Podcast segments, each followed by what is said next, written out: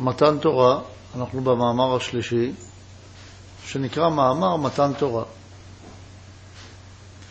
המאמר בא לדבר על המדרש, על הפסוק, מדרש בבראשית רבה, על הפסוק ואהבת לרעך כמוך, שרבי עקיבא אומר זה כלל גדול בתורה. ועל זה אנחנו רוצים להבין את דברי רבי עקיבא. אגב, כך נאמר, שבמדרש כתוב שבן עזאי אומר ש... ואהבת לרחק כמוך זה ספר תולדות האדם. דהיינו, אפשר להבין את המחלוקת האם כל מי שהוא נקרא בן אדם, כולל כל האומות, האם כולם תחת המצווה הזאת של ואהבת לרעך כמוך, או רק עם ישראל שהם, לפי רבי עקיבא, רק הם צריכים להיות בבחינת ואהבת לרעך כמוך.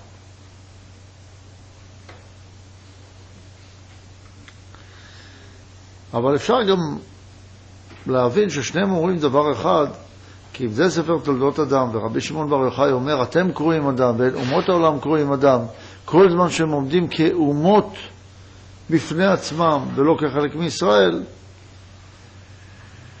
אז רק אתם קרואים אדם. ואם הם לא באים להיות חלק מכם, אז זה מחוץ למסגרת אדם.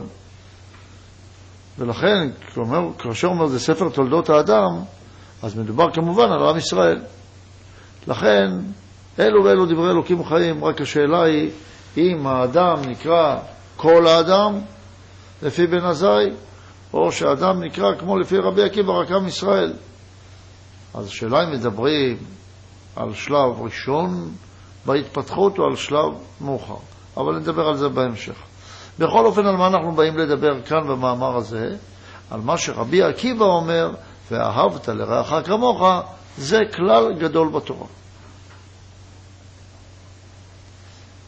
המאמר הזה מחולק לי"ז פסוקים, י"ז חלקים, קצרים, רק כדי שיהיה נוח לקריאה, ונלמד אותם אחד לאחד.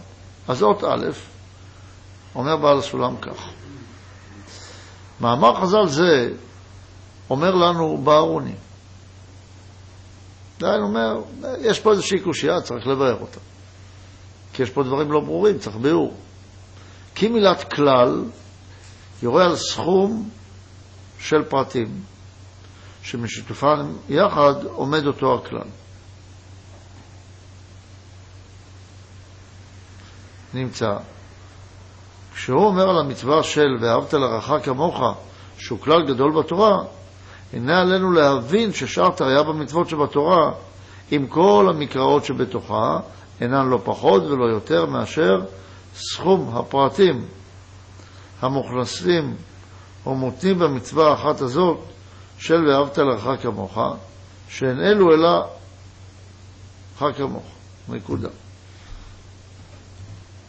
שאין אלו אלא דברים מטמאים. כי זה יצדק במצוות שבין אדם לחברו, איך יכולה אותה מצווה אחת להכיל ולכלכל בתוכה את כל המצוות של בן אדם למקום, שהן עיקרי התורה ורוב מניין שלו. יש מספר דברים קשים במה שנאמר פה. א', הכלל הוא לא סכום הפרטים. ומה זה כותב פה בעל הסולם? כי מילת כלל יורה על סכום של פרטים. שמשיתופם יחד עומד אותו הכלל. כלל זה לא סכום הפרטים, כלל הוא יותר גדול מסכום הפרטים.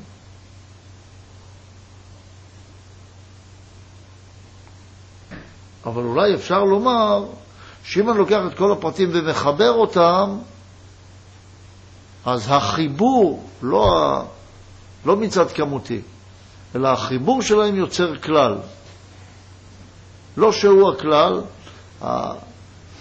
איך לומר, אם אני לוקח שני אנשים ומחבר אותם, אז עצם זה שחיברתי אותם יצרתי כלל. כלל משותף לשני הפרטים האלה. זאת אומרת שהפרטים האלה נובעים מהכלל הזה, הם תחת אותו כלל. לא סכום כמו שנדמה לנו, 1 ועוד 2 ועוד 3 ועוד 4 ועוד 5 וכן הלאה, נותן לנו נגיד סכום מסוים. אלא,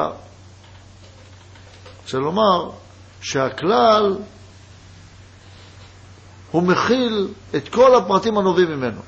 אז ואהבת לרעך כמוך, אם כך, מכיל לפי זה את כל מצוות התורה. כמה מצוות יש בתורה? תרי"ג.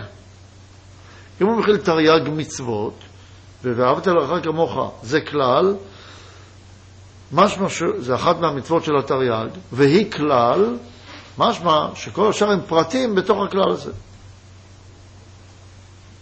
שהכלל הזה, אם אני מסתכל על כל הפרטים האחרים, כל תרי"ב מצוות, הם פרטים בתוך הכלל הזה של ואהבת לרעך כמוך.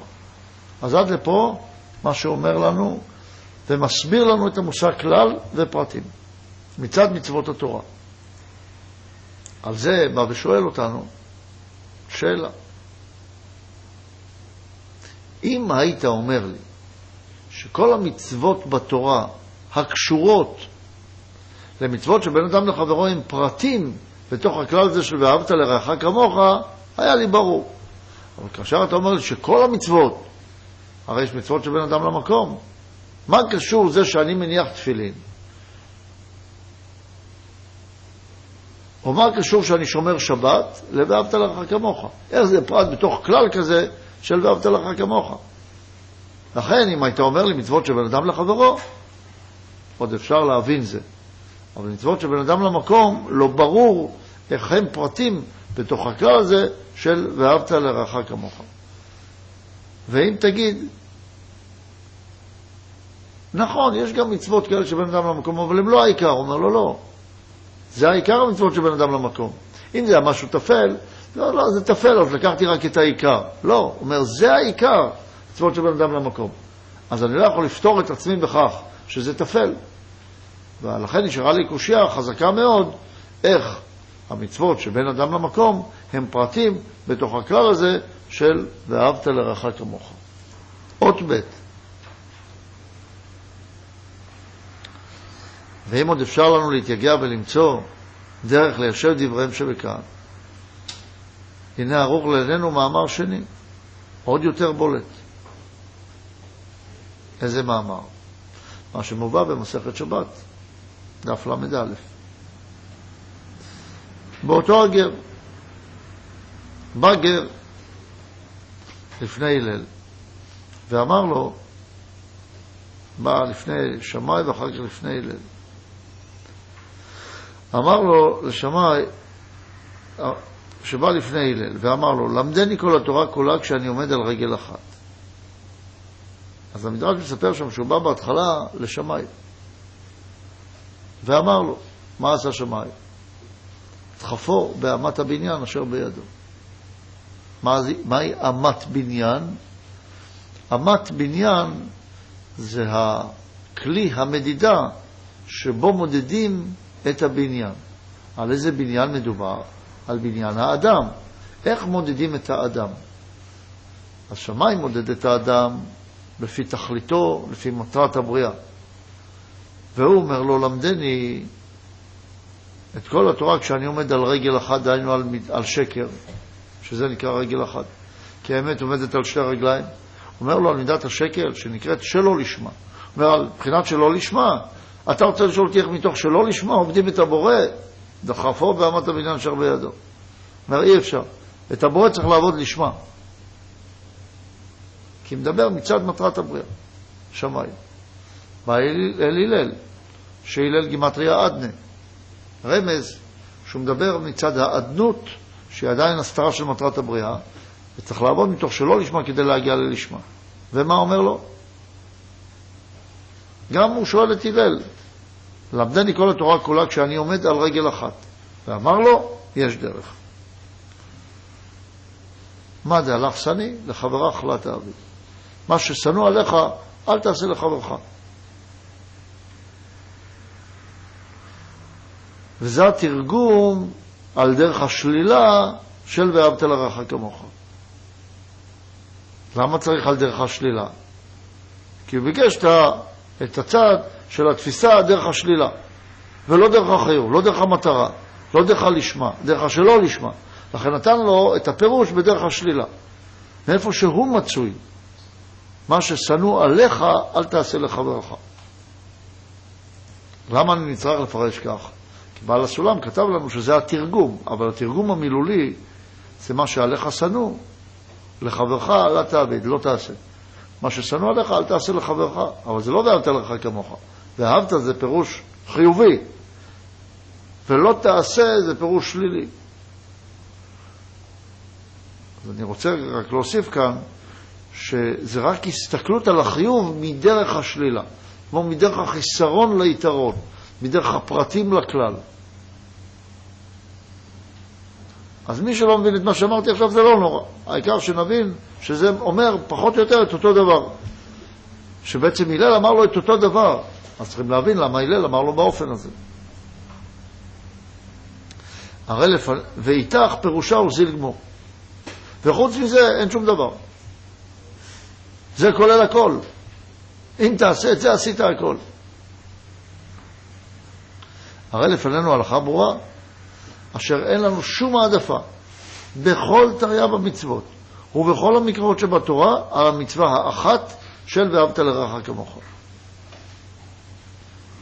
כיוון שבאים רק כדי לפרש ולאפשר לנו לקיים מצוות אהבת הזולת על היכנה. שהרי אומר בפירוש, ואידך פירושה הוא, ואידך פירושה הוא זיל גמור. דהיינו שכל שאר התורה הוא פירוש של המצווה האחת הזאת. שאי אפשר לגמור מצוות ואהבת לרעך כמוך, זולתם. יוצא שמה שאמר הלל בא עוד לחזק את מה שאמר רבי עקיבא, שאומר שחוץ, שכל שאר הפרטים בתורה, כל שאר המצוות בתורה, הם רק באים לפרש, כי אני מפרש דרך הפרט את הכלל.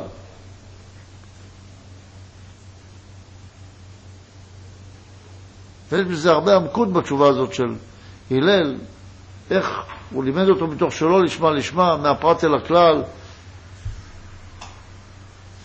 על רגל אחת.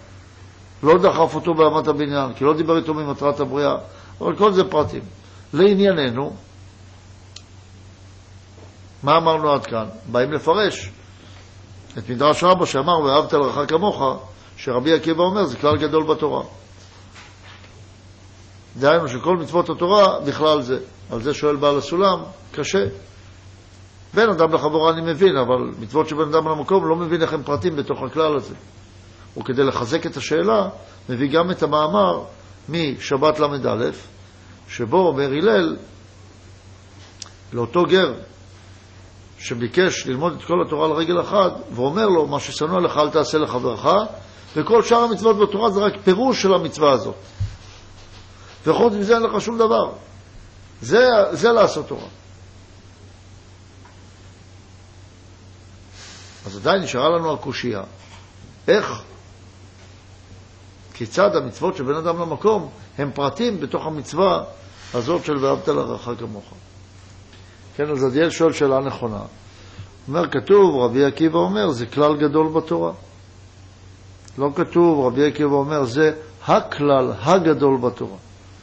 משמע, אפשר היה לפרש שיש עוד כללים גדולים. יש הרבה אנשים גדולים, כל אחד גדול במשהו אחר.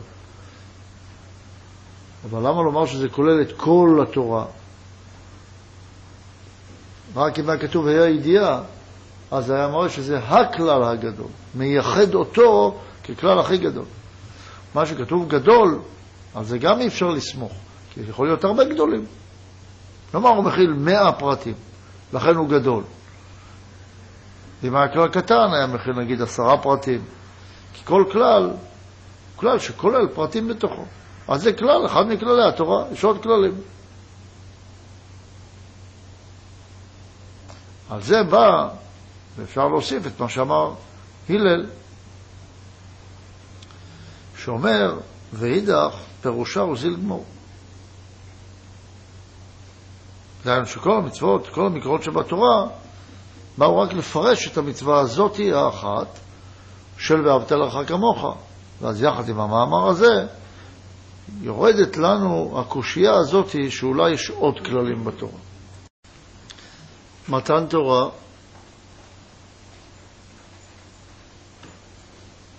אנחנו בשיעור מספר 2 במתן תורה. למדנו אתמול את תחילת המאמר, הגענו לאות ג'.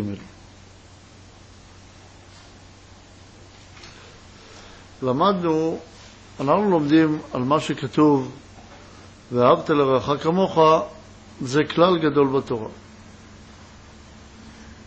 בן עזאי אומר זה ספר תולדות האדם. רבי עקיבא אומר זה כלל גדול בתורה.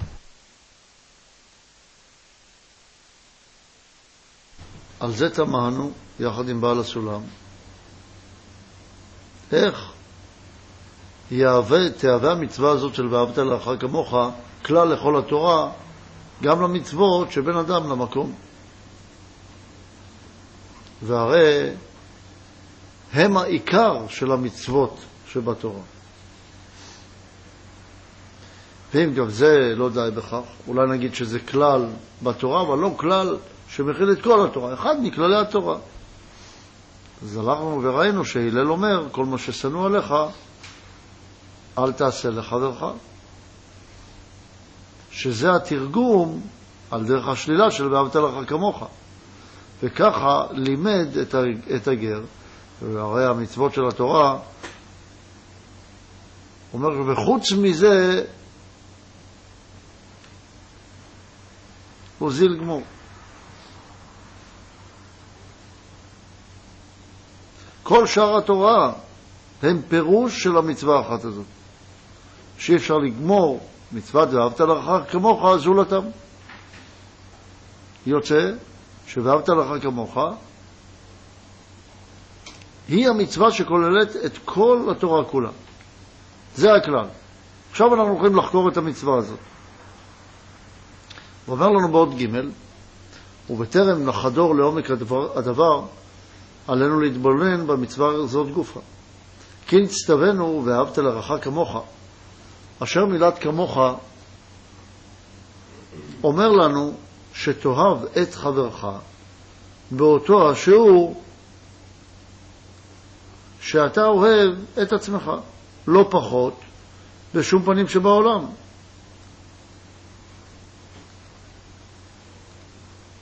זה נקרא כמוך.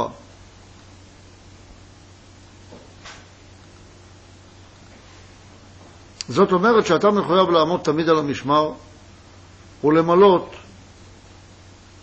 צרכי כל איש ואיש מכל האומה הישראלית, לא פחות, כמו שאתה עומד תמיד על המשמר למלות צרכי עצמך, אשר זהו לגמרי מן הנמנעות.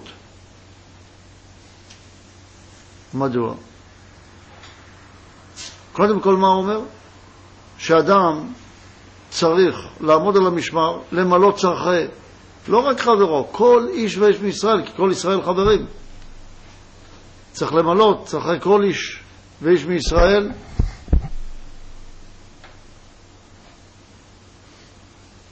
ואומר זה לא אפשרי. כמו עצמו, כי לא רבים הם מה שיוכלו ביום העבודה שלהם למלא די צרכי עצמם. ואיך מטיל עליהם? לעבוד ולספק את כל משאלות האומה.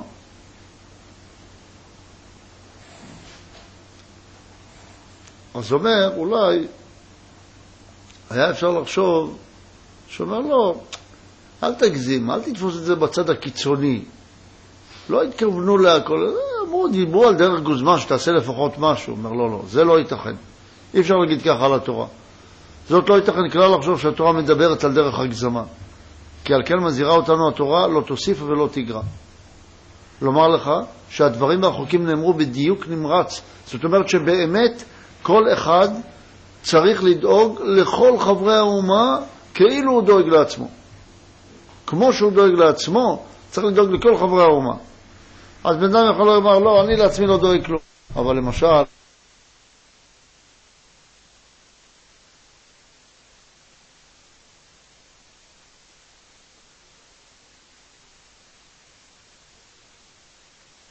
לא רק לחבר שלך שאתה מכיר אותו, אלא לכל אחד מעם ישראל. לכל אחד מעם ישראל אתה צריך לדאוג. זאת אומרת, מישהו הולך פה ברחוב, אומר לך, תגיד, אני יכול אה, לקבל 100 אה, שקל, אני רוצה ללכת לאכול ארוחת צהריים?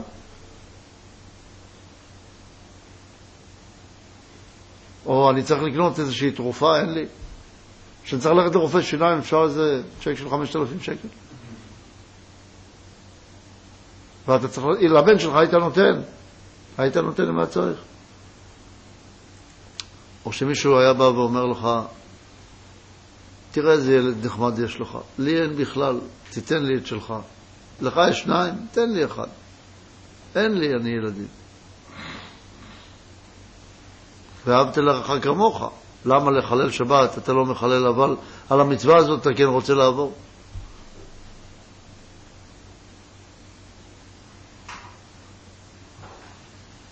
אז הוא אומר, לא, התורה לא התכוונה. היא כן התכוונה. מה זה לא התכוונה? אם התורה כתבה ואהבת לרעך כמוך, כמו שאתה אוהב את עצמך, אתה צריך לאהוב את חברך. ולא רק כך, אלא עוד ד', ואם מעט לך זה, אומר לך שפשטה של המצווה הזאת, של אהבת הזולת, מחמירה עוד. לא רק שצריך להיות לו כמוני, אלא עוד שעלינו להקדים צרכי חברנו על צרכי עצמנו. על דרך שכתבו התוספות. בשם הירושלמים בקידוש ש"כ,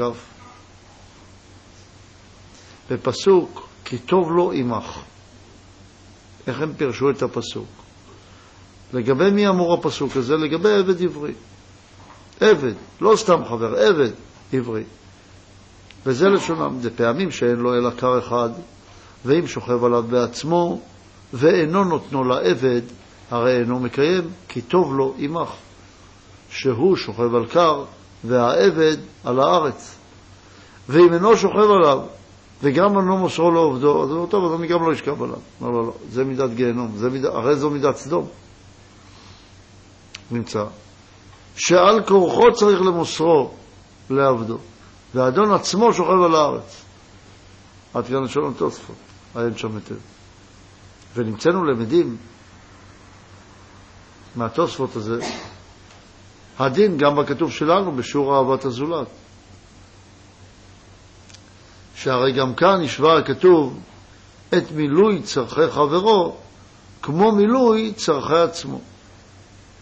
קצת קשה לי ההשוואה הזאת, אפשר לומר שכלפי עבד, שכל מה שקנה עבד קנה רבו.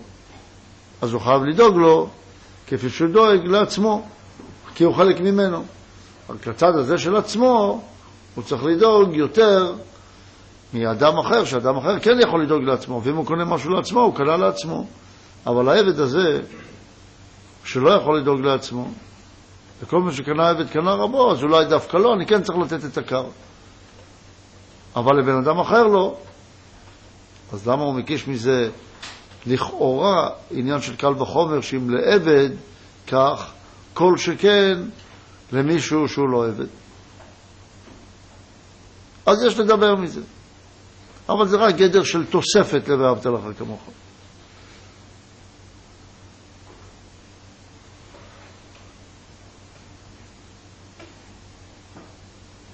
ובכל אופן, אומר לנו שהרי כאן נשבע כתוב את מילוי צרכי חברו כמו מילוי צרכי עצמו, כדוגמת כי טוב לו עמך, שבעבד עברי. באופן שגם כאן במקרה, אם אין לו כיסא אחד ולחברו אין כיסא כלל, יוצא פסק הלכה שאם הוא יושב עליו ואינו נותנו לחברו, הרי הוא עובר על מצוות עשה של ואהבת לך כמוך. או למשל אם יש לו אייפון אחד והוא לא נותן אותו לחברו, עובר על מצוות ואהבת לך כמוך. כי אינו ממלא צרכי חברו כמו שהוא ממלא צרכי עצמו. ואם הוא אינו יושב עליו וגם אינו נותנו לחברו, הרי זו רשעות כמידת סדום. אלא שמחויב לתנו לחברו, לשבת אליו, והוא עצמו יושב על הארץ או יעמוד. מובן מעצמו שכן הדין אמור בכל הצרכים שמצויים לו וחסרים לחברו. אז אתה צריך לבדוק מה חסר לחברך, לכל אחד מישראל, ואם יש לך את זה, אתה חייב לתת לו, אפילו אם לך לא יהיה. ומי ידאג לי? מישהו אחר ידאג לך. ואתה צא ולמד. האם המצווה הזאת בכתר האפשרות לקיימה? הרי אנחנו רואים שזה כמעט בלתי אפשרי. ואנחנו גם יודעים שהתורה לא הגזימה. אז בואו נראה מה למדנו עד כה. ואהבת לך כמוך, כלל גדול בתורה. וכדי להבין שזה כלל גדול בתורה, הביא גם על דרך השלילה מה שאמר הלל, מה ששנוא עליך, אל תעשה לחברך, ואידך זיל גמור. שזה כולל בתוכו את כל המצוות, שבין אדם למקום, בין אדם לחברו, שאי אפשר לגמור מצוות ואהבת לך כמוך זולתיו. על זה הוא שואל, אם זה הכלל הגדול בתורה, בואו נראה אם זה בכלל אפשר לקיים. מה זה ואהבת לך כמוך? שכל, איך שאתה דואג לעצמך, תדאג גם לחברך, לכל איש מישראל. תראה איך אפשר. אני בקושי לעצמי לא מצליח לדאוג, אני אדאג גם למישהו אחר. ועוד הוא שואל, אם נעמיק בזה יותר, נראה שלא רק מה שיש לי אני צריך לתת לו, אלא אם יש לי רק אחד, ואני צריך לחשוב לי או לא, אז אני צריך לתת לו ולא לי. הוא אומר, איך אפשר? איך אפשר לקיים מצווה כזאת? והתורה לא הגזימה. התורה כתבה באופן מדויק כמו שאתה צריך להגיע אליו. ואיך אפשר כזה דבר? אז מה הגענו עד כאן? יש מצווה שהיא כלל התורה ואהבת לך כמוך. מצד איך שאנחנו תופסים את זה באופן רגיל, אי אפשר לקיים. וגם, המצ... וגם היהודי ידוע שהתורה היא אמת והיא לא סתם אמרה את זה. משהו פה, אם כך בהבנה שלנו, קלוקל, שצריכים לארגן אותו מחדש. עוד ה' וקודם כל עלינו להבין למה ניתנה התורה בייחוד לאומה הישראלית, ולא ניתנה לכל באי העולם בשווה יחד. יש כאן חז ושלום משום לאומיות,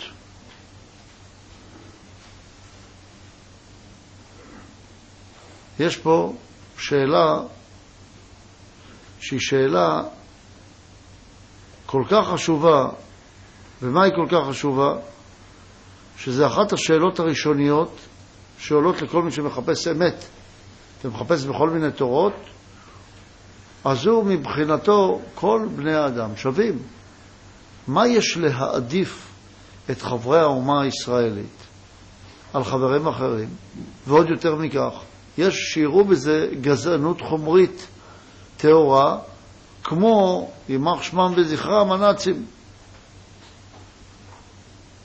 ואז יאמרו, אם אתה אומר שחברי האומה הישראלית יש בהם איזושהי מעלה יתרה, משמע שאתה בודק על פי הגזע. נולד לעם ישראל, מבחינת אדם. יש לו אמא יהודייה, זאת אומרת שהוא מגזע היהודים. ואם הוא גזע היהודים, אז יש לו איזשהו ייחוד בנשמה. איך יכול להיות? ואם לא ככה, אז למה התורה ניתנה רק לעם ישראל? למה ואהבת לרעך כמוך נוהג בעם ישראל?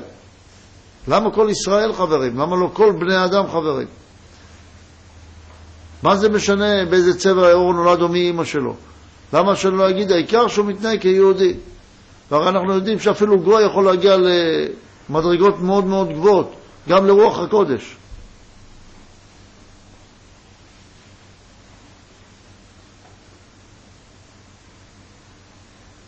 והכל תלוי לפי מעשיו, כך כותב בשער הקדושה.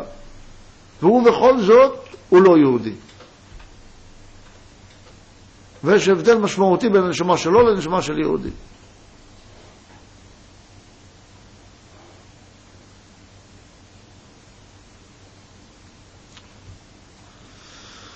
וכמובן, עונה אשר רק היוצא מדעתו יכול לערער כזאת. שזה חס ושלום משום לאומיות.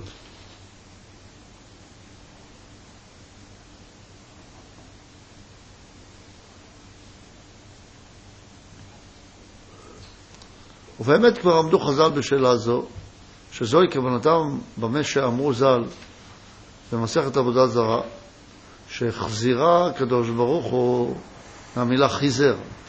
החזירה גרם לה לתורה להיות מחוזרת על כל אומה בלשון, ולא קיבלוה כנודע. הוא בא והציע להם, לכל אומות עולם, הם לא רצו. הם לא רצו לוותר על אנוכיותם, תאוותם, ואם עכשיו כן רוצים. נאמר, בא בן אדם ואומר, אני שייך לאומה הסינית, ואני רוצה לקבל את תורת ישראל. אז אם יש כזה אחד, שעכשיו יגיד שהוא רוצה לקבל, אין בעיה, שיבוא ויתגייר.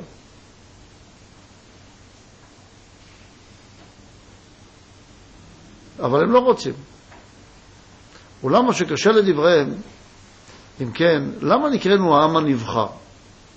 בך בחר השם. לא אנחנו בחרנו את התורה. אם אנחנו היינו בוחרים את התורה, אז זה בסדר, אז אנחנו מבינים. אתם נקראים העם הבוחרים. אבל אנחנו נקראים עם נבחר, לא עם בוחר. אם היינו אומרים, אנחנו העם הבוחר, אנחנו בחרנו את התורה, בסדר. אבל כשאנחנו אומרים, אנחנו העם הנבחר, כאילו יש איזושהי תווית מלמעלה ששמו לנו.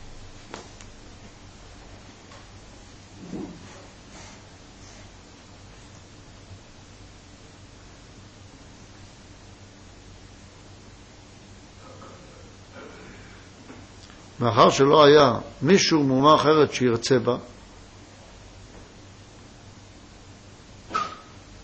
ועוד שהדברים מוקשים מעיקרם. הייתכן שהקדוש ברוך הוא בא עם תורתו בידו ונשא ונתן עם עמי ארצות הפראיים ההם, אשר לא נשמע מעולם כזאת ואינו מקובל על הלב כלל. שואל, מה זה הציור הזה? מה, הקדוש ברוך הוא בא לבני אדום ואמר להם, לבני שעיר, רוצים את התורה? והם אמרו לו לא, והתווכחו ודיברו ביניהם. מה, הוא הלך עם התורה ביד? ככה אמר להם, הנה, יש פה תורה, רוצים לקבל? יש לי פה ספר, רוצים לקנות?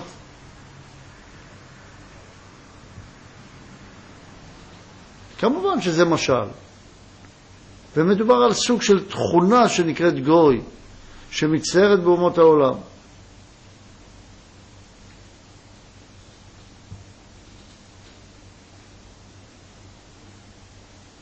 אז עדיין נשארנו בשאלה, מדוע אנחנו נקראים עם הנבחר ולא, ולא עם הבוחר?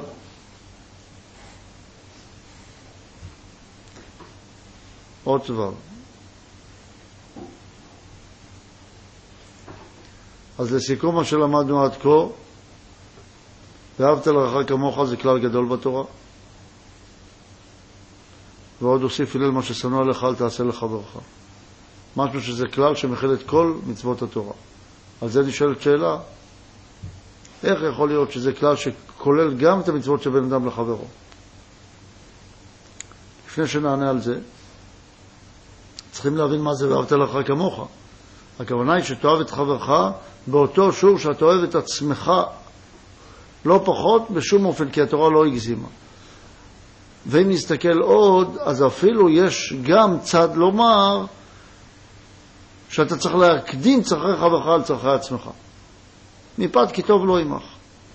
אבל גם בלי זה, ואהבת לך כמוך, זה קשה מאוד לקיים. וזה נראה כמו מן הנמנעות. ואי אפשר להגיד שהתורה הגזימה, כי התורה מאוד מדויקת. וכדי להבין זה, עוד צריך להבין מדוע ניתנה התורה בייחוד לאומה הישראלית ולא לכל באי העולם בשווה. ואומר, רק היוצא מדעתו יכול לערער שזה בגלל לאומיות.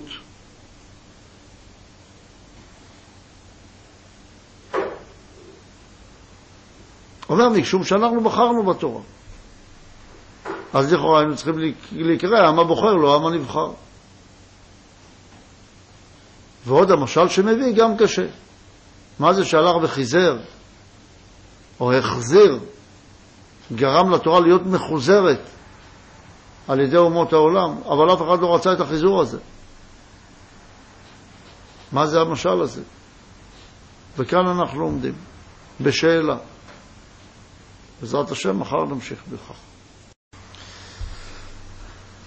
מאמר מתן תורה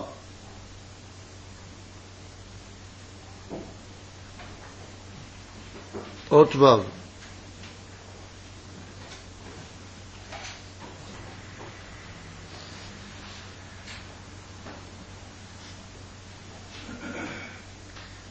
שאלנו בשיעור הקודם למה ניתנה התורה בייחוד לאומה הישראלית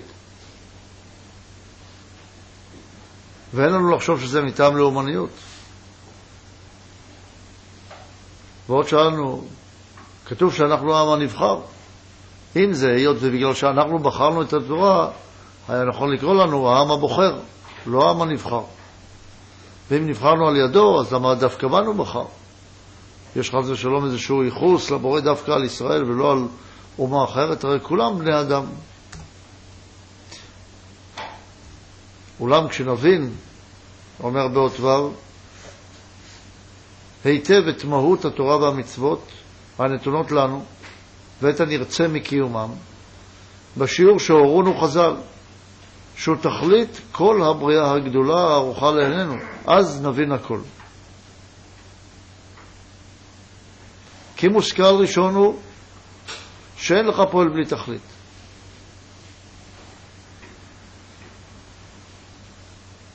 ואין לך יוצא מהכלל. אז זה זולת הירודים שבמין האנושי או התינוקות. אז זה כלל ראשון. אין לך פועל בלי תכלית. ואם כך, לא יוטל ספק כלל על הבורא יתברך שלרוממותו אין חקר שיפעל חס ושלום דבר קטן או גדול בלי תכלית. מדוע פעל בלי תכלית? לא יכול להיות שפעל בלי תכלית. זאת אומרת שיש תכלית לבריאה. אז זה מושכל ראשון. יש איזשהו טעם למה ברא הבורא את הבריאה. לא סתם הוא ברא את הבריאה. והורונו חז"ל על זה שלא נברא העולם אלא בשביל קיום התורה ומצוות. אז הנה יש תכלית. בשביל קיום התורה ומצוות. אבל מה זה קיום התורה ומצוות? מה, לעשות את המעשה? פירוש הדבר, כפי שביארו לנו הראשונים ז"ל. כי כוונת הבורא יתברך על הבריאה מעת שנבראה הוא להודיע את אלוקותו לזולתו. מה זה, מה זה לקיים את התורה ומצוות? זה שנגלה את הבורא בבריאה. וזו התכלית. אז אם יש תכלית, ודאי שהבורא ברא את הבריאה עם תכלית. מהי התכלית שלשמה הוא ברא? כדי לגלות את אלוקותו. וזה נקרא לקיים תורה ומצוות. אם קיימת תורה ומצוות ולא גילית את אלוקותו בעולם, כנראה שקיימת אותה לא בגדרה השלם. כדבר הודעת אלוקותו מגיע לנברא במידת שפעו, הנעים, ההולך ומתרבה אליו, עד השיעור הרצוי. אז איך מודיעים את אלוקותו בעולם? על ידי כך שנהנים מהחיים. אם אתה לא נהנה מהחיים, לא הודעת את אלוקותו. כי מה הבורא רוצה? להיטיב לנבראיו. אם הוא רוצה להיטיב לנבראיו ואתה לא נהנה בעולם ואתה סובל, משמע שלא הודעת אלוקותו. יכול להיות שההודעה הזאת תצטרך לבוא בשלבים. יכול להיות שמדרך דרכי הגוף ובדרך הזמנים והמקומיים, לעשות את זה בשלב של היעדר ומילוי, היעדר והוויה.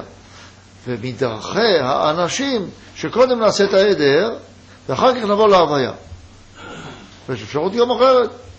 מצד השכליים, המוחין, הכל בא בבת אחת. זאת אומרת שמצד תפיסת הבורא, אין את המצב הזה שגילוי הבורא לנבראיו לא מתגלה בבת אחת. אבל הדרך של תפיסת הגוף, שבה לאט לאט, בפרטים, מהחוץ לפנים, מההיעדר להוויה, מחוסר השלמות לשלמות, שמה נראה זמנים שונים או פרטים שונים. יהיה זמן שבו יהיה היעדר, ובגלל תפיסתנו הקלוקלת נחשוב שזה המצב, ולא נראה את זה כחלק מהשלם, אלא נראה את זה כדבר שלם מצד עצמו, ואז אם הוא שלם מצד עצמו, אז זה ייסורים. אז זה לא טוב, אז זה לכאורה רע, אבל אם נראה את זה כחלק מהשלם, אז נראה את זה כדבר שלם. אבל בתנאי שזה חלק מהשלם. כשאתה רואה את השלם דרך חלקיו, אז זה דבר שלם, החלק. אבל כשאתה רואה רק את החלק בפני עצמו, כשאתה רואה ראש כרות על הרצפה, אז זה דבר חסר מאוד. אבל אם הוא על הכתפיים זה דבר שלם, אפילו שאתה רואה רק את הראש. אף אחד לא מזדעזע שרואה תמונה, פספורט, שרואה רק ראש. לא מזועזע בכלל. אבל אם רואה ראש לבד כרות, מזועזע. למה? זו הסיבה. שדרך ראיית הפרטים רואים את החיסרון כעומד בפני עצמו. אז מה כוונת הבריאה? שנהנה. אז אם אני לא נהנה, והלא נהנה עומד בפני עצמו, אז זה רע, זה עוון, זה חטא. אבל אם אני לא נהנה כחלק מתענוג שלם, זה גם שלם. זה גם גילוי אלוקותו. ולמה אני מדגיש זה? כי אז יבואו כל הבהימים ויגידו, אם ככה, צריך ליהנות עכשיו, הרגע. אנחנו חיים, אנשים אומרים, אני חי את הרגע, את ההווה. כל המשומדים לעבודה זרה. כי לא מבינים שצריכים לחשוב דרך הפרט לכלל, דרך החוץ לפנים, דרך ההיעדר להוויה. רוצים לחשוב כמו הקדוש ברוך הוא.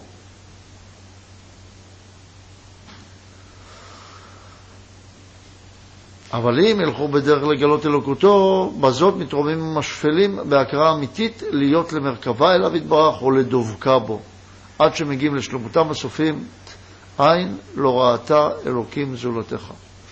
אשר מרוב גודלה ותפארתה של השלמות ההיא, גם התורה והנבואה נשמרו לדבר אף מילה אחת מהפלגה זו. כמו שרמזו על זה חז"ל, כל הנביאים לא נתנבאו אלא לימות המשיח. אבל לעולם הבא, עין לא ראתה אלוקים זולתך. כידוע, הדבר למוצאי דעת ואין כאן מה להוסיף.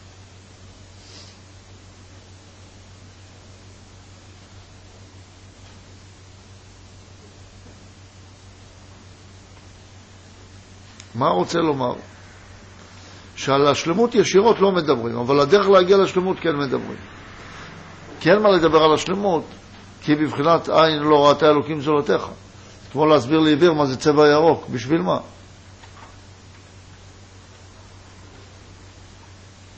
אבל כן מדברים על הדרך להגיע. מתבטאת השלמות הזאת בדברי הנבואה ודברי חז"ל רק במילה הפשוטה, דבקות. זה כן הרשו לומר. דבקות, צורה משותפת, אני משותף, אהבה. והנה מתוך גלגולה של מילה זו בפיות ההמון, כמעט שאיבדה כל תוכן. שכל אחד אומר, אני רוצה להגיע לדבקות בהשם, בטח, רק לשם איכות קודשא ברוך הוא ושכינתי. אבל אומר, המילה הזאת נהייתה זולה בפיות בני אדם. אולם אם תשת רע ממך למילה הזאת רגע קט, תישאר עומד ומשתומם על גובהה המפליא.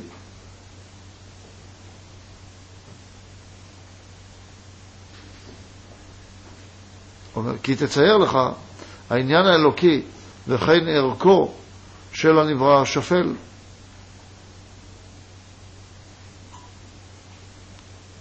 אז תוכל לערוך יחס הדבקות מזה לזה. ואז תבין למה אנו שמים את המילה הזאת, שהיא נקראת דבקות, ותכלית כל הבריאה הגדולה הזאת. מה אומר לנו? דבקות זו מילה מאוד מאוד שימושית אצל בני אדם, אבל המילה השימושית הזאת היא, צריכים לראות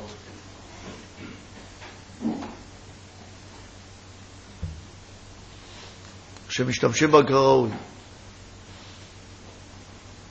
צריכים להבין מה היא אומרת.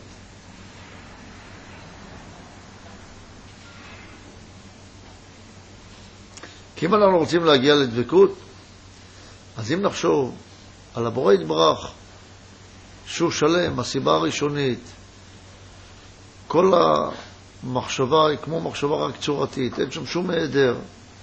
לעומת זאת הנברא, רצון לקבל, היעדר, שפלות, חלוקה, כל מה שנראה כרע. כל מה שמייצג לנו במציאות שלנו את צד הרע. ומה אנחנו רוצים? לחבר ביניהם. איך אפשר? איך אפשר לחבר בין דבר כזה בלתי שלם לדבר שלם? איך יבוא החיבור העצום הזה, ודווקא על החיבור הזה יושבת קליפה קשה, שנקראת מצרים. איך לחבר בין ראש לגוף? איך ראש מחובר לגוף? איך מעציל מחובר לנאצל, כשהם דברים כל כך נפרדים זה מזה, כל כך רחוקים זה מזה, בתכלית הרחוק. אז דבקות זה לא מילה כל כך פשוטה, זה דבר עצום, איך אפשר להבין דבקות כזאת? היוצא מדברנו, אשר תכלית כל הבריאה, אשר הברואים השפלים, יוכלו על ידי קיום תורה ומצוות ללך מעלה-מעלה, הלוך ומתפתח, עד שיזכו להידבק בבורם יתברך ויתעלה. אז מה תכלית הבריאה? להידבק, הכוונה לאהוב את הבורא. על ידי קניית אני משותף בינינו לבין הבורא. איך עושים את זה? על ידי קיום התורה והמצוות.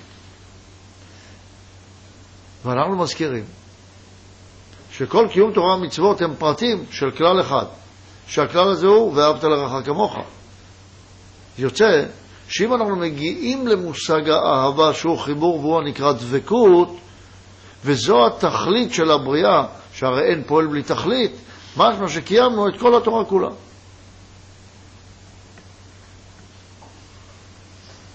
אבל אתה צריך לבדוק את עצמך. כי אם אתה אומר, אני אוהב כל בן אדם,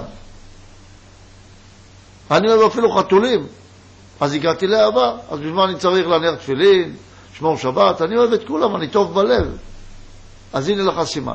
אם אתה באמת טוב בלב ואתה אוהב את הקדוש ברוך הוא, סימן שאתה באמת הגעת לשלמות. אומר, כן, אני גם אוהב את הקדוש ברוך הוא. אני מרגיש בלב, אוהב אותו, מה זה אוהב אותו? ואת הבן שלך אתה אוהב? כן. אתה מוכן לנקות לו את הדברים הכי גרועים שיש לו? כן. ואם הקדוש ברוך הוא אומר לך לעשות משהו שלך לא נעים, אתה גם נהנה מזה, גם אתה מוכן לעשות, שאתה עושה רק מה שנעים לך. אם אתה עושה רק מה שנעים לך, אתה לא אוהב את הקדוש ברוך הוא, אתה אוהב את עצמך. אתה רק משתמש בתירוץ של הקדוש ברוך הוא. אבל אתה לא באמת אוהב אותו. לא אוהב אותו זאת אומרת לעשות כל מה שהוא אומר לך. הוא אמר לך כל מיני דברים. כתוב בתורה את הדברים. למה לא לעשות אותם? למשל, לא לדבר לשון הרע. למשל, אמר לך ללמוד תורה, אז מה אם אין לך חשק? אם אתה לא נהנה לעשות את מה שהוא אמר לך לעשות, ואתה סובל מזה, זאת אומרת שאתה לא אוהב אותו. אז הנה כל מיני סימנים שאפשר לראות, אי אפשר רק לדבר, להגיד, אני אוהב. אבל יש דרך לפעול את זה. אבל זה תכלית כל הקיום. כי אין פועל בלי תכלית. הבורא ברא את הבריאה כדי להיטיב לנבראיו, צריכים להגיע לזו ההטבה. אם נגיע לזו ההטבה, יהיה לנו טוב ונכון, אם לא, יהיה לא טוב. עוד זין. אולם כאן עמדו חכמי הקבלה ושאלו, למה בראנו מתחילה בכל אותה רוממות הרצויה להידבק בו יתברך? למה לא בראנו מתחילה בכל אותה רוממות הרצויה להידבק בו יתברך? מה היה לו יתברך לגלגל עלינו את כל המסע והטורח הזה של הבריאה והתורה והמצוות?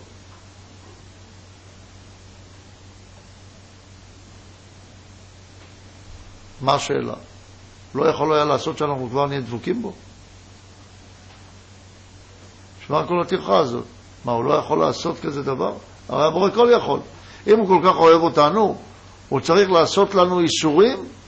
חס ושלום, הרי הכל בא ממנו. אז למה הוא נתן לנו דרך כל כך קשה להתענות בה?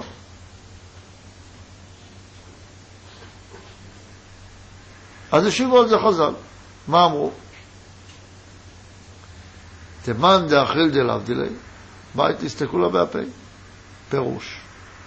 מי שאוכל ונהנה מיגיע כפיו של חברו, מפחד הוא להסתכל בתואר פניו, כי נעשה מושפל והולך.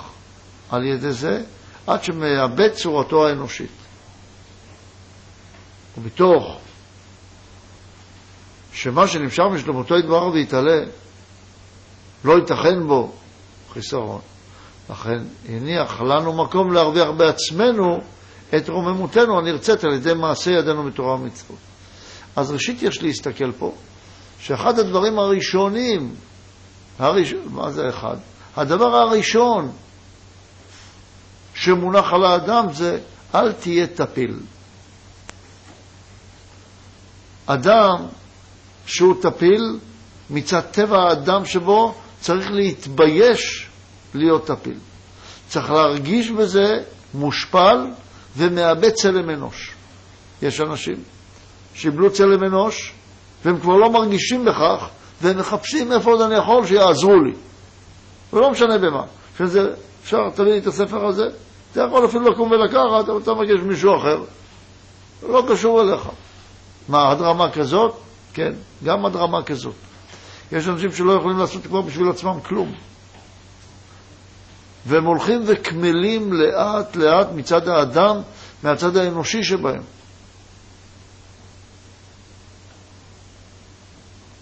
ובני אדם כאלה, שהם חיים כטפילים, אין להם תואר אדם. לכן היכולת הראשונה של האדם להיות אדם הוא להרגיש, אני רוצה לעשות בעצמי.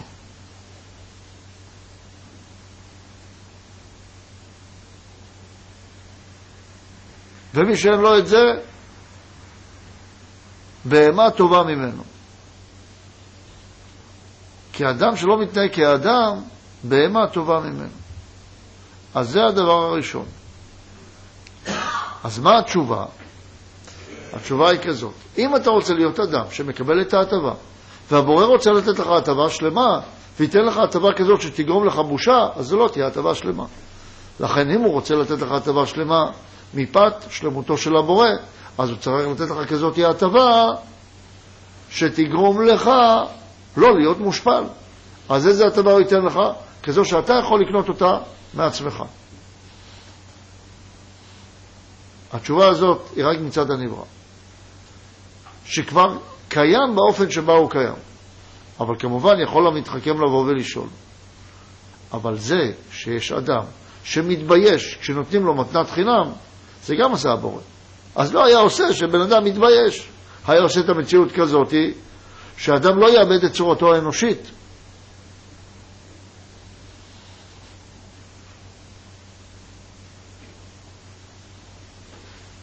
ועוד יש לשאול, הוא רוצה שנרוויח בעצמנו את רוממותנו? שואל, בחלק א', בהסתכלות פנימית, בעוד זין. אז בכותרת הוא שואל, איזה יחס יש מעבודת עין שנה לתענוג נצחי? ואין לך מתנת חינם גדולה מזו. מה, זה שאני אקיים תורה ומצוות בעין שנותיי, שנותיי, זה מה שיזכה אותי לקבל וזה לא יהיה מתנת חינם? איך ייתכן? איזה מין תירוץ זה? מה, אני עובד 70 שנה ומקבל נצח? כמו שעבדתי, הוא אומר שם רגע אחד, וקיבלתי כל המחמדים והתענוגות שבעולם, וזה לא מתנת חינם.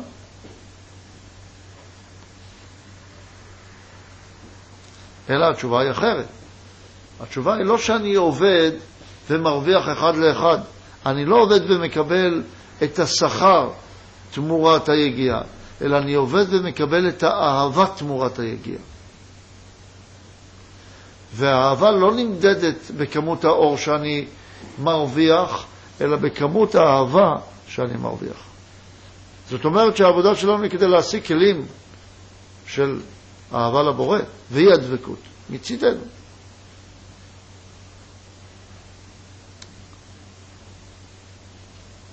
אהבה, שאלה הכלים שבהם צריך להתקבל, לא יכולה לבוא בכפייה. כי היא לא נקראת אהבה. למה הוא עשה ככה דווקא שתהיה המציאות, זה אין לשאול בעצמותו, אבל זו המציאות שזה ככה. ועצם השאלה למה בראנו מתחילה באופן הזה, גם השאלה הזאת היא שאלה שהיא לא שאלה, כן שאלה בעצמותו. לכן כל התשובה רק באה לתאר את המצב, שמצד המצב שבו אנחנו קיימים, לא אפשרי שהיה בורא אותנו אחרת. השאלה היא לא על עצמותו חס ושלום. כן שאלה בעצמותו, כן חיסרון בעצמותו. אז נחזור על הדברים בקצר.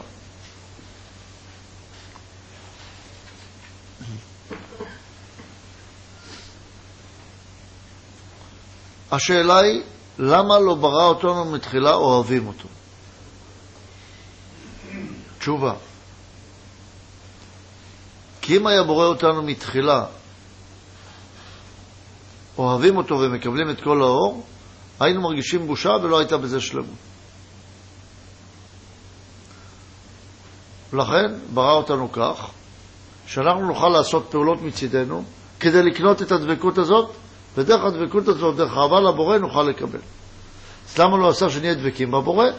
כי הדבקות בבורא מחייבת בחירה, מחייבת את הפעולה של התחתון כלפי העליון, כי אחרת זאת לא תהיה אהבה.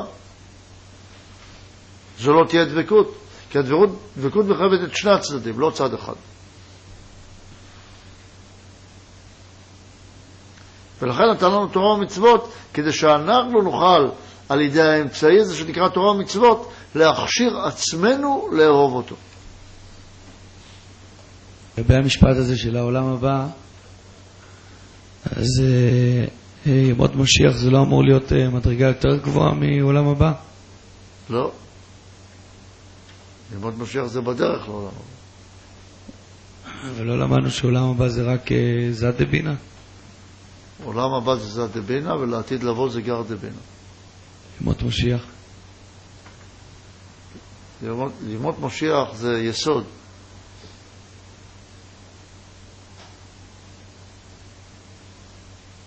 מה זה אומר בתוך ה... זה אומר שזה הזמן שבו צריך לעשות את העבודה כדי לקנות את הדעת השלמה. שיש בזה שלב של השלמת כלים, ואחר כך קבלת אורות.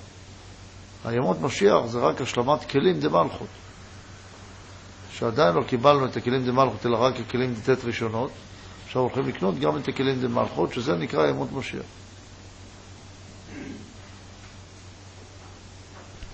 לא אמור לבוא אחרי השלב הזה של, ה... אה, של העולם הבא? העולם הבא זה כמו עיבור לאורות. ופה זה רק, ימות משיח זה רק עיבור לכלים, או רק השלמת כלים. עיבור א' די עיבור ב'.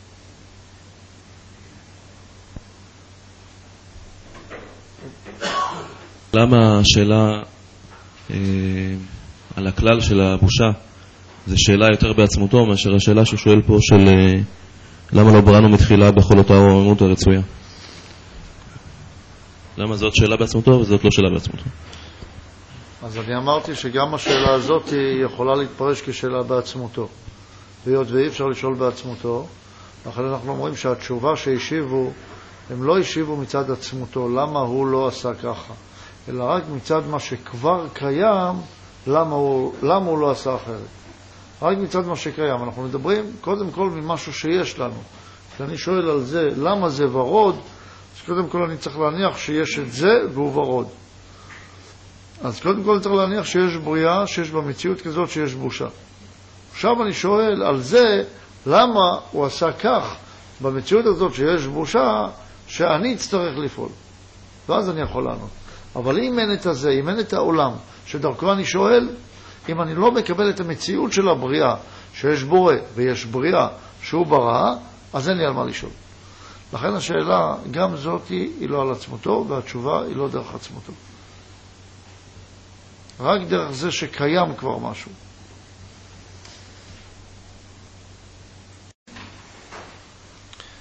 מתן תורה, אנחנו באות ח'. בספר מתן תורה, מאמר מתן תורה, שהוא המאמר השלישי בספר, אומר, כי הדבר הזה דומה ורוצה לתת לנו משל. משל על מה הוא רוצה לתת לנו? שאלנו בעוד זין, למה לא ברא אותנו הבורא יתברך בכל הרוממות הרצויה להידבק בו. למה היה צריך לתת לנו כזאת יגיעה גדולה ועבודה גדולה כדי שנצטרך לעשות בשביל לקבל את אותו שכר? אם אתה רוצה לתת לנו את השכר המרובה, מדוע אינך נותן לנו את העבודה המתאימה לכך? סליחה, מדוע אינך נותן לנו מלכתחילה את כל התכונות שיהיה לנו כדי שנוכל לעשות זאת? ונתן לנו תשובה כדי להרוויח בעצמנו את הרוממות הזו שנרצית על ידי תורה ומצוות. זו הייתה התשובה. אמר שהדברים האלה עמוקים, ויש להסבירם, ורוצה לתת לנו משל כדי להבין מה זאת אומרת שאנחנו צריכים להרוויח בעצמנו, על ידי המעשים שלנו, בתורה ומצוות, את אותה רעיון, את אותו כוח של הקבלה. כי הדבר הזה דומה לעשיר אחד שקרא לאדם מן השוק. הוא מאכילהו, הוא משקהו, הוא מעניק לו מכסף וזהב וכל חמדה יום-יום. ובכל יום מרובים מתנותיו על הקודם לו, וכן מוסיף והולך. ובסוף שאלה העשיר, שאל אותו אדם מן השוק, אמור לי, האם כבר נתמלאו כל משאלותיך? או בשאלה אחרת, האם אם בן אדם נותן לשני הכל, מכל טוב, האם הוא יהיה מסופק לגמרי? הוא, עדיין לא נתמלאו כל מבוקשי. כי מה טוב ומה נעים היה לי, אילו כל הרכוש והחמודות הללו הגיעוני על ידי עסקי עצמי, כמו שהגיעו אליך. ולא להיות מקבל מתנת ידך בחסד. הוא היה אומר לו העשיר, אם כך, לא נברא עוד איש שיוכל למלות משאלותיך. דהיינו, אין אדם מחוץ לך, או משהו מחוץ לך, שיכול לתת את הכוח הזה שאתה רוצה שינבע מתוכך. כי הרי מה ביקש אותו איש מן השוק? אמר, אני לא מסופק, אני רוצה שזה ינבע ממני, אבל אם אתה רוצה שזה ינבע ממך, זה באמת צריך לבוא ממך. ודבר זה טבעי הוא. כי הגם שמצד אחד הוא טועם תענוג גדול, הוא מוסיף והולך כפי שהוא ריבוי מתנותיו של העשיר, זה מצד אחד. מצד שני, קשה לו לסבול מבושה את ריבוי ההטבה הזו. שהעשיר הולך, הוא מרבה עליו בכל פעם. כי חוק טבעי הוא בעולם שהמקבל מרגיש כמין בושה ואי סבלנות בעת קבלת מתנת החינם. מאת הנותן? מחמת חסדיו ורחמיו עליו. ומכאן נמשך לו חוק שני. מה החוק השני? החוק השני הוא שחייב בחירה. דהיינו פעולה מעצמי ולא רק מלמעלה. לא רק להיות כמו עובר, לא להיות סביל, אלא גם פעיל. אומר שלא יצויר בעולם מי שיוכל למלות חפצי חברו במילואם, כי סוף סוף לא יוכל ליתן לו את האופי והצורה של קניין עצמי, שרק עימה נשלמת כל ההרחבה מכל השלמות הרצויה. הוא חייב להגיד רוצה אני. חייב להיות לו אני כזה, שהוא ירצה עם האני שלו. כמובן שמתעוררת לנו השאלה, למה הבורא יתברך לא עשה כך שלא יהיה, תהיה מציאות שהאיש הזה מהשוק לא מסופק? היה עושה כאשר בן אדם מקבל את צרכיו מאדם מחוצה לו, שיהיה מסופק. אז מה הוא מספר לנו? הוא מספר לנו בגלל שאדם לא מסופק, שמקבל את כל מתנותיו מחברו ולא מצד עצמו, אז בגלל זה היה צריך לעשות את כל הצמצומים ואת כל הפעולה מצד התחתון? זה תשובה למה הבורא לא עשה אותנו כבר שנהיה מסופקים, כי הרי מה שאלנו? למה לא ברא אותנו מלכתחילה בכל אותה רמות הרצויה? ומה התשובה? כי המציאות היא כזאת היא שמישהו שמקבל מתנת חינם מתבייש. אבל זה מה ששאלנו, אל תעשה מציאות כזאת. תעשה מציאות שהוא לא מתבייש. תעשה מציאות כזאת שכאשר בן אדם מקבל את ההערה גם מבחוץ, אז זה דבר שלם. ואז היית יכול לתת לנו הערה מבחוץ, והיה דבר שלם. על זה צריך לומר, אין שאלה בעצמותו. אנחנו לא מדברים ללמה לא עשה לי שש אצבעות, אלא חמש אצבעות למה לי. לא למה אין לי שש, לא למה אין לי שבע ידיים. כשאני שואל על משהו, אני קודם כל צריך לזהות שהוא קיים, על זה אני שואל. זאת אומרת, אחרי שיש כבר מציאות, אז אני שואל על המציאות שקיימת, למה היא ככה? או מה הטעם בהיותה כזאתי, אבל מציאות שכבר קיימת. אני לא יכול להתחיל לדבר ממשהו שהוא לא קיים. לכן קודם כל צריך להצביע עליו, ואחר כך שיבוא לידי קיום. ואחרי כל התשובות, לא תהיה לנו ברירה אלא לקבל את זה באמונה. שככה זה. רק זה קצת נותן טעם מטעם ההתרחשות שלנו פה בעולם. ואם רוצים קצת יותר מזה, אז צריך לומר שאין כפייה ברוחניות, ואהבה אמיתית לא יכולה להיות לאדם אם הוא לא בוחר מצד עצמו. ועוד, היות והשלמות הקיימת במציאות, המקור שלה הוא הבורא, אז גם הנברא יכול להיות שלם רק בתנאי שיהיה בו את צד הבורא. שיבטא את צד הבורא שבו. וצד הבורא שבו הוא הצד שאין בו כפייה. ולכן הוא חייב לבטא את הצד הזה של אין כפייה בו כדי להיות שלם, כי הרי השלמות באה מהמקור של אין כפייה. ואם השלמות באה ממקור של אין כפייה, אז לא יכול להיות שאני אהיה רק סביל, כי אם אני רק סביל, הכל כפוי עליי. ולכן אני חייב לבטא את צד הבורא שבי, שהוא חסר כפייה. ולא יכול היה לעשות מציאות כזאת שתהיה שונה מעצמו, מה הוא יעשה מציאות? איזה מציאות הוא יעשה? שהבורא הוא לא שלם? שהשלמות היא לא השלמות של הבורא? שהשלמות היא לא שלמות של אין כפייה? מה יעשה שלמות של יש כפייה? אז זה מנוגד למציאות הבורא. זה לא ייתכן מהתפיסה הראשונית, האמונית, שהשלמות מתבטאת באין כפייה. כי אחרת אני אגיד שהשלמות היא בה יש כפייה. ואם השלמות היא בה יש כפייה, אז הבורא הוא לא שלם, לא הבורא הוא שלמות. אז אני לא יכול להגיד גם שיש שתי שלמויות, יש שלמות אחת. כי אם יש שתי שלמויות, יש שתי סיבות ראשוניות. אם יש שתי סיבות ראשוניות, אז מה מפריד ביניהם? אם יש משהו שמפריד ביניהם, אז אף אחד מהם לא שלם.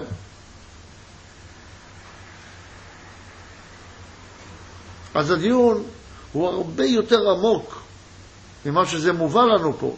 אבל פה זה מובא כדבר פשוט, שאיך צריך להבין את זה פה ממתן תורה, שמסתכלים על המציאות הקיימת כבר. אומר לך, תסתכל על הבריאות בני אדם. נכון שבן אדם מתבייש רק להיות עני ולקבל? לכן, דרך זה תבין. דרך משל, דרך הרגש, אפילו גופני.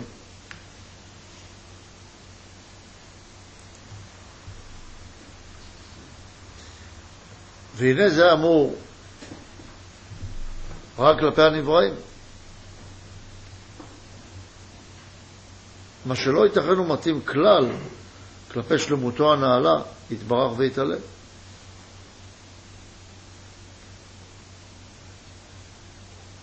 דהיינו, שהוא צריך משהו מחוץ לעצמו, שהוא צריך למלא את חסרונו.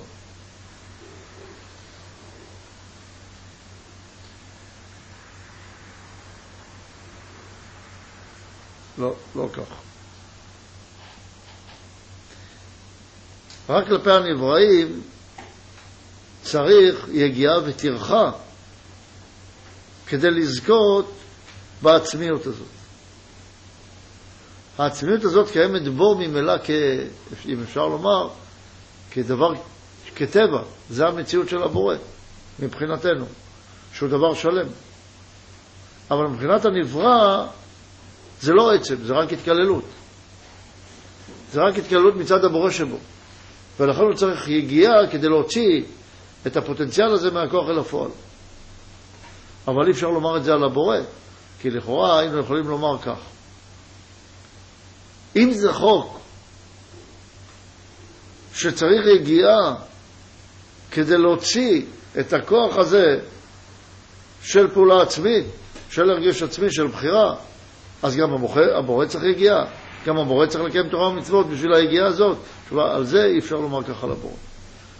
לכן אומר, הנה זה, היגיעה הנצרכת.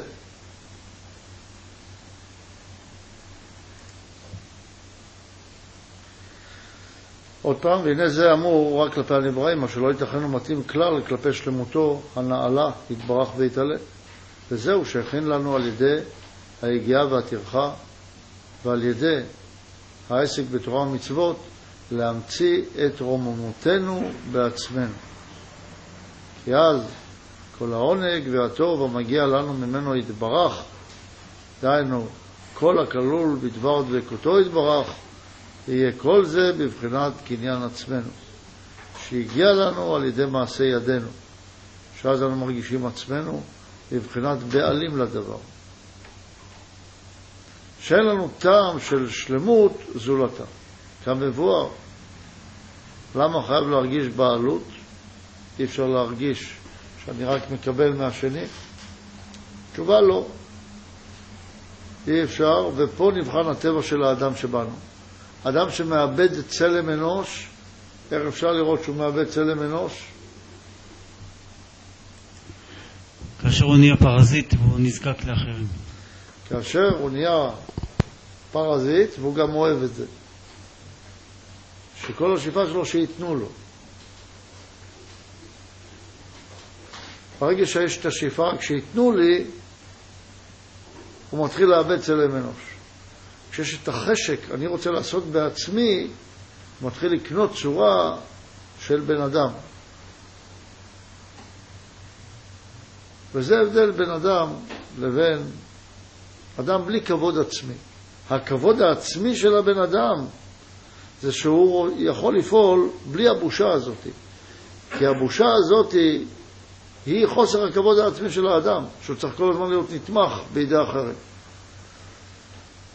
לא מדובר על ההכרח, ההכרח לא יגונה ולא ישובח.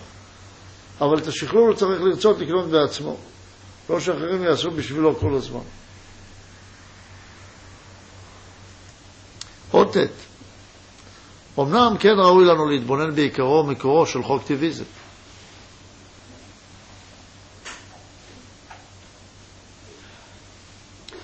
ומבטן מי, דהיינו מה המקור, מבטן מי יצא לנו פגם הבושה ואי הסבלנות שאנו מרגישים בעת קבלת החסד ממישהו. מאיפה המקור הזה שאדם רוצה לא להיות פרזיט? רוצה להיות לא נתמך כל הזמן. כמו אחד שרק מקבל צדקה. לכן המלכות שנקראת צדקה נקראת ענייה, צדק נקראת. ענייה ודלה, דלה מגרמה ולא מידי. שהצדיק נותן לה צדקה, הצדיק נקרא יסוד.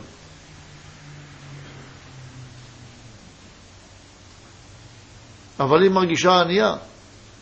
מי זה העני?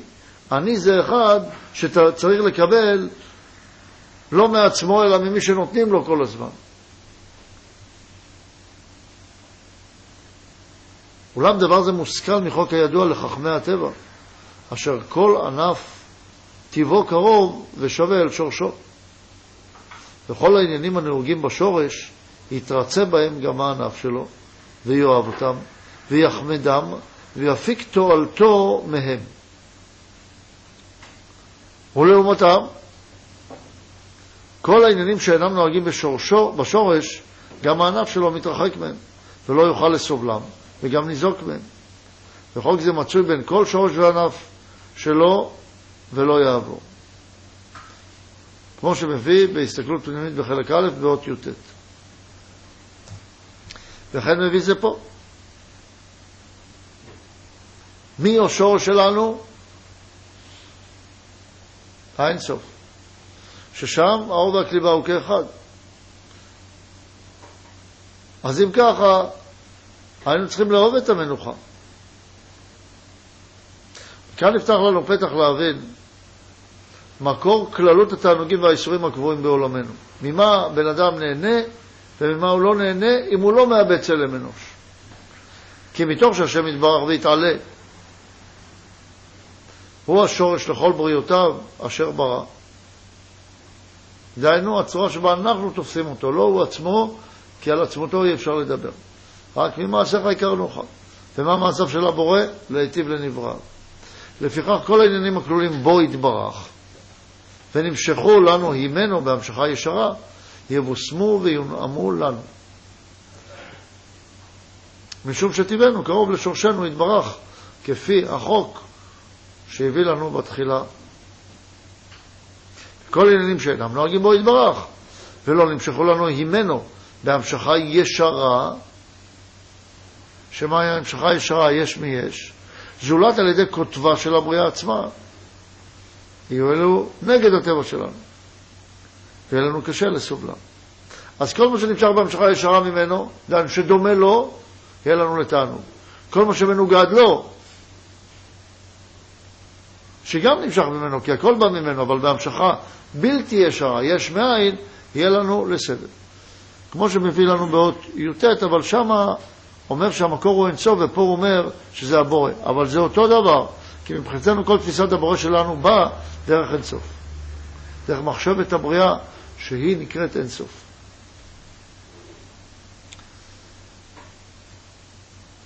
אז מראה ואומר כך, דהיינו, אנו אוהבים את המנוחה ושונאים מאוד את התנועה, עד שאין לנו עושים שום תנועה אם לא להשגת המנוחה. מדוע? היה זה מפני שהשורש שלנו איננו בעל תנועה זולת בעל המנוחה. כי באין סוף עדיין המלכות נקראת אור. למה? כי היא באה מהעליון. אור כמו עובר, במעי אמו הוא חסר תנועה. כל התנועה שלו היא יחד עם אמו. היא הולכת לבית מדרש, הוא הולכת על בית מדרש. היא עוברת ליד בית עבודה זרה, עובר ליד בית עבודה זרה. אוכל מה שאמו אוכלת, הוא בר ירך אמו.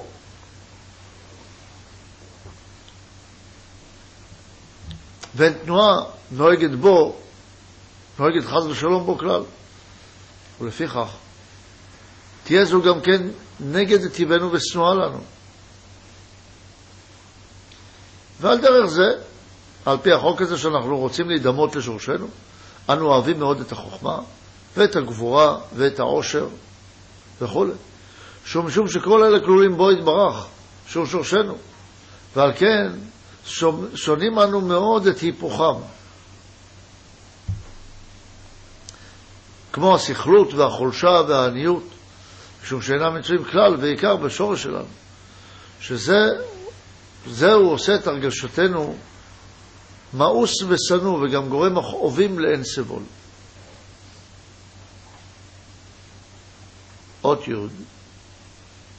אז פה אמר לנו באותת את החוק. מה החוק?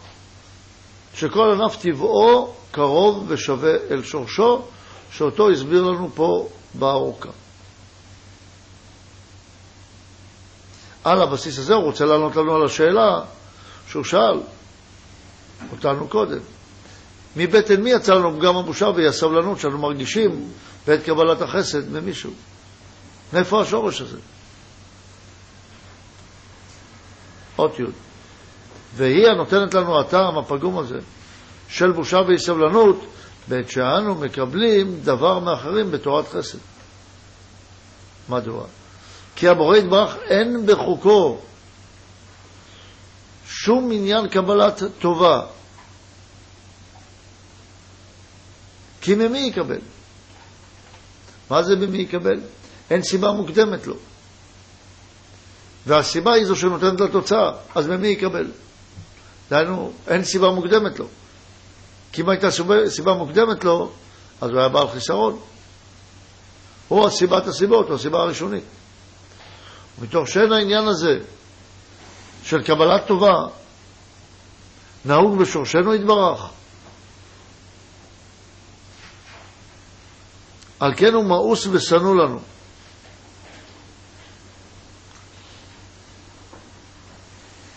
וזו התשובה. למה ככה הטבע? כי מצד הבורא הקיים בנו, משם אנחנו מקבלים את מלוא הנאתנו. ואם רוצים קצת יותר עמוק, אז תמיד אור מתקבל בצורה, כי הצורה היא בהשוואת צורה לאור. ולא יכול להיות ניגוד בין האור לבין המקום שבו מתקבל האור. ברגע שהם מנוגדים זה לזה, אז הם נפרדים זה מזה. לכן צריכה להיות השוואת צורה בין מקום קבלת האור לבין האור. לכן האור מתקבל תמיד בצורה, כמו שהמים מתקבלים בצורה של הכוס ולא בחומר של הכוס. ולכן האור מתקבל בצורה. מה זה הצורה שבחומר או הצורה? כל דבר בנוי מחומר בצורה. הצורה היא הצד המופשט, היא צד כמו, משל, כמו צד הבורא שבנברא. והיות ורק צד הבורא שבנברא הוא זה שיכול לקבל את האור, לכן רק מצד הבורא שבנברא יש לנו תענוג. וכל מה שאנחנו לא פועלים מצד הבורא שבנברא, לעתים יש לנו המשכה לשם, כי יש שם השתוקקות. אבל הפלא הוא ששם אפשר לקבל תענוג. ודווקא שם אנחנו מרגישים עניות. לכאורה אפילו שמקבלים שם מרגישים עניות. למה? כי לא הפעלנו את צד הבורא שבנו. יוצא שאם צד הבורא שבנו לא הוא זה שמפעיל אותנו, לא הוא זה שמשתלט על ישותנו, לא הוא זה שקובע את תכליתנו, לא זה שהוא מוביל אותנו, שנקרא צד הנשמה שבנו, אנחנו נסבול בחיים. אז למה לא מרגישים את זה תמיד? כי חטאנו, כי איבדנו צלם אנוש. היכן שמאבדים צלם אנוש, אנחנו חשים, אני כן רוצה לקבל לעצמי בלי לעשות שום דבר. למה? כי איבדנו צלם אנוש. כשבן אדם אומר, כבר אין לי כוח, אני לא רוצה שיהיה לי כוח, לא צריך כלום. כשהוא לא רוצה חוכמה, כשהוא לא רוצה את כל הדברים שיש בבורא יתברך, משמע שהוא איבד צלם אנוש. לא צלם אנוש, צלם אדם.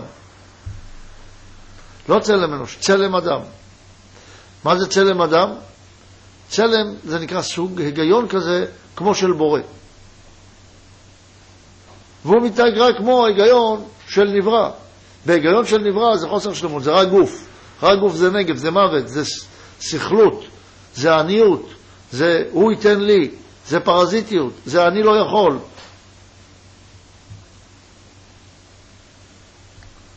לכן אומר, ולעומת, לעומתו אנו מרגישים תענוג ונועם ורוך בעת קבלה, בעת כל השפעה שאנו משפיעים לזולתנו.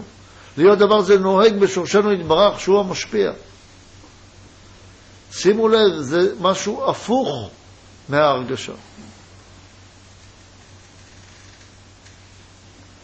אין לנו השתוקקות להשפיע למרות ששם יש את התענוג. וזה נקרא הסתרה. על זה יש לנו הסתרה. והפלא הוא, אפילו שכשאנחנו משפיעים, ואנחנו מקבלים מזה תענוג מאוד גדול, אחר כך כשאנחנו באים עוד פעם להשפיע, עוד פעם קשה לנו. כי זו הסתרה שעובדת תמיד.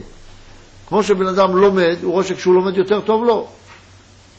ולמרות זאת, אחר כך הוא בא עוד פעם, ואומר, רגע, אולי זה משהו אחר, משהו כזה זמני, מיידי, אבל אתה יודע שזה מביא לך פחות תענוג. ובכל זאת אתה רואה שיש המשכה לזה. למה? זה בדיוק ההסתרה. ולמה עשה לנו כזו הסתרה? נראה בהמשך.